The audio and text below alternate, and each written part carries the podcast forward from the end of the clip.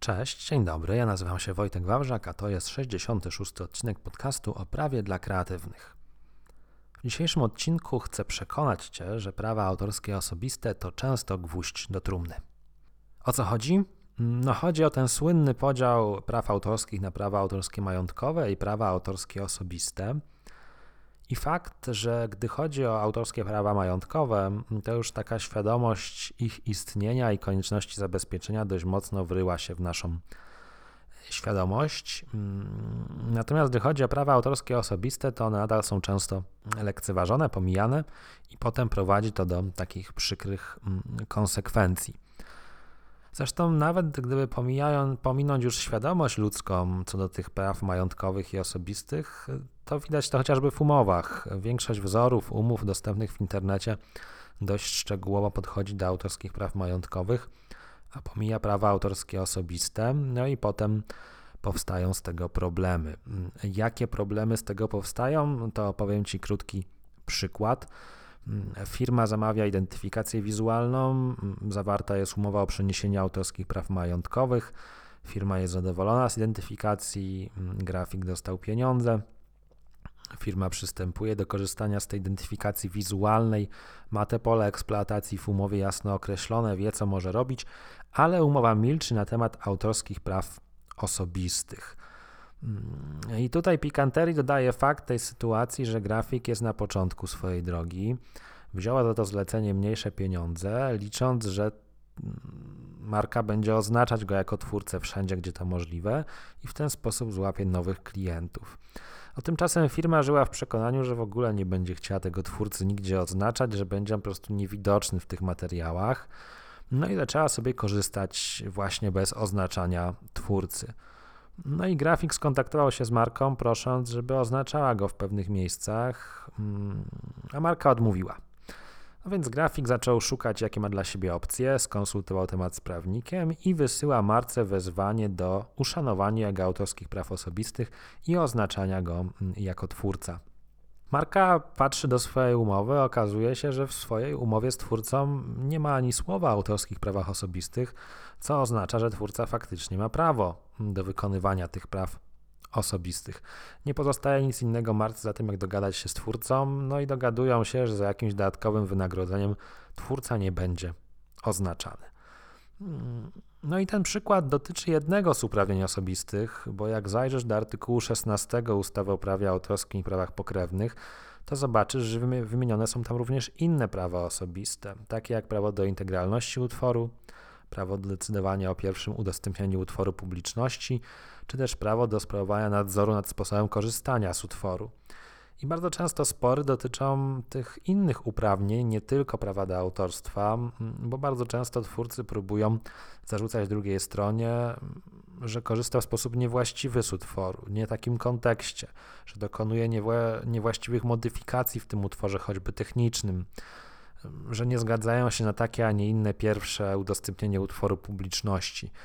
I tak naprawdę niezadbanie w umowie o te autorskie prawa osobiste może doprowadzić do takiego skutku, że wprawdzie nabyliśmy autorskie prawa majątkowe, ale jesteśmy dość znacznie ograniczeni w korzystaniu z tego utworu z powodu tych autorskich praw osobistych. No i czy jest jakieś remedium? No oczywiście, że jest, bo inaczej nie nagrałbym przecież tego mm, odcinka. Remedium jest takie, że o ile praw osobistych nie można przenieść, bo są one niezbywalne, twórca zawsze pozostaje twórcą, niezależnie co by się działo, to biznes wypracował takie rozwiązanie, że twórca może się zobowiązać, że nie będzie wykonywał autorskich praw osobistych, a co więcej, może upoważnić drugą stronę, żeby ona wykonywała te prawa osobiste w imieniu twórcy. No i to jest tak naprawdę jedyne skuteczne rozwiązanie, które pozwala ograniczyć ryzyko, że twórca te autorskie prawa osobiste mm, będzie wykonywał i w ten sposób torpedował jakieś działania drugiej strony.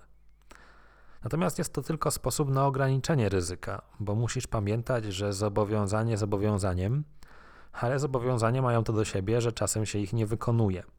No i twórca może po prostu tego swojego zobowiązania nie respektować i zacząć wykonywać autorskie prawa osobiste. Dlatego warto również w umowie, oprócz tego zobowiązania do niewykonywania praw osobistych, zastrzec również karę umowną na wypadek, gdyby twórca naruszył to zobowiązanie.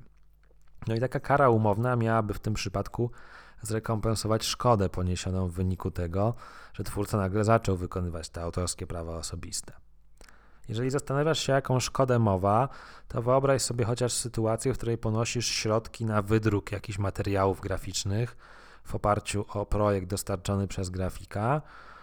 No, wydrukowałeś, zapłaciłeś, a tutaj nagle twórca mówi, że on by chciał, żeby był oznaczany jako twórca, powołując się na swoje autorskie prawa osobiste, bądź twierdzi, że będzie wykonywał nadzór nad sposobem korzystania z utworu i takiego określonego użytku tego utworu nie możesz zrealizować.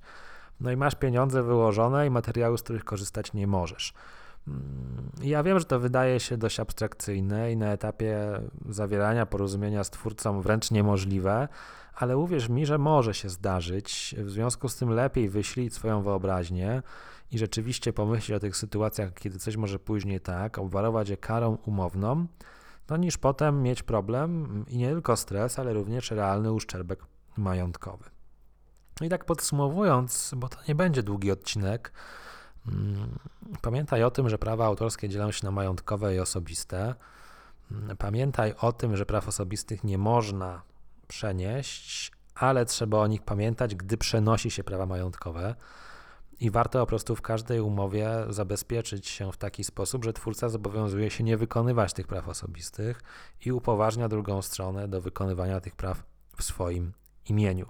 No i warto również skorzystać z e, dobrodziejstwa kary umownej, żeby zabezpieczyć się przed ewentualnymi konsekwencjami sytuacji, gdy twórca swojego zobowiązania nie respektuje.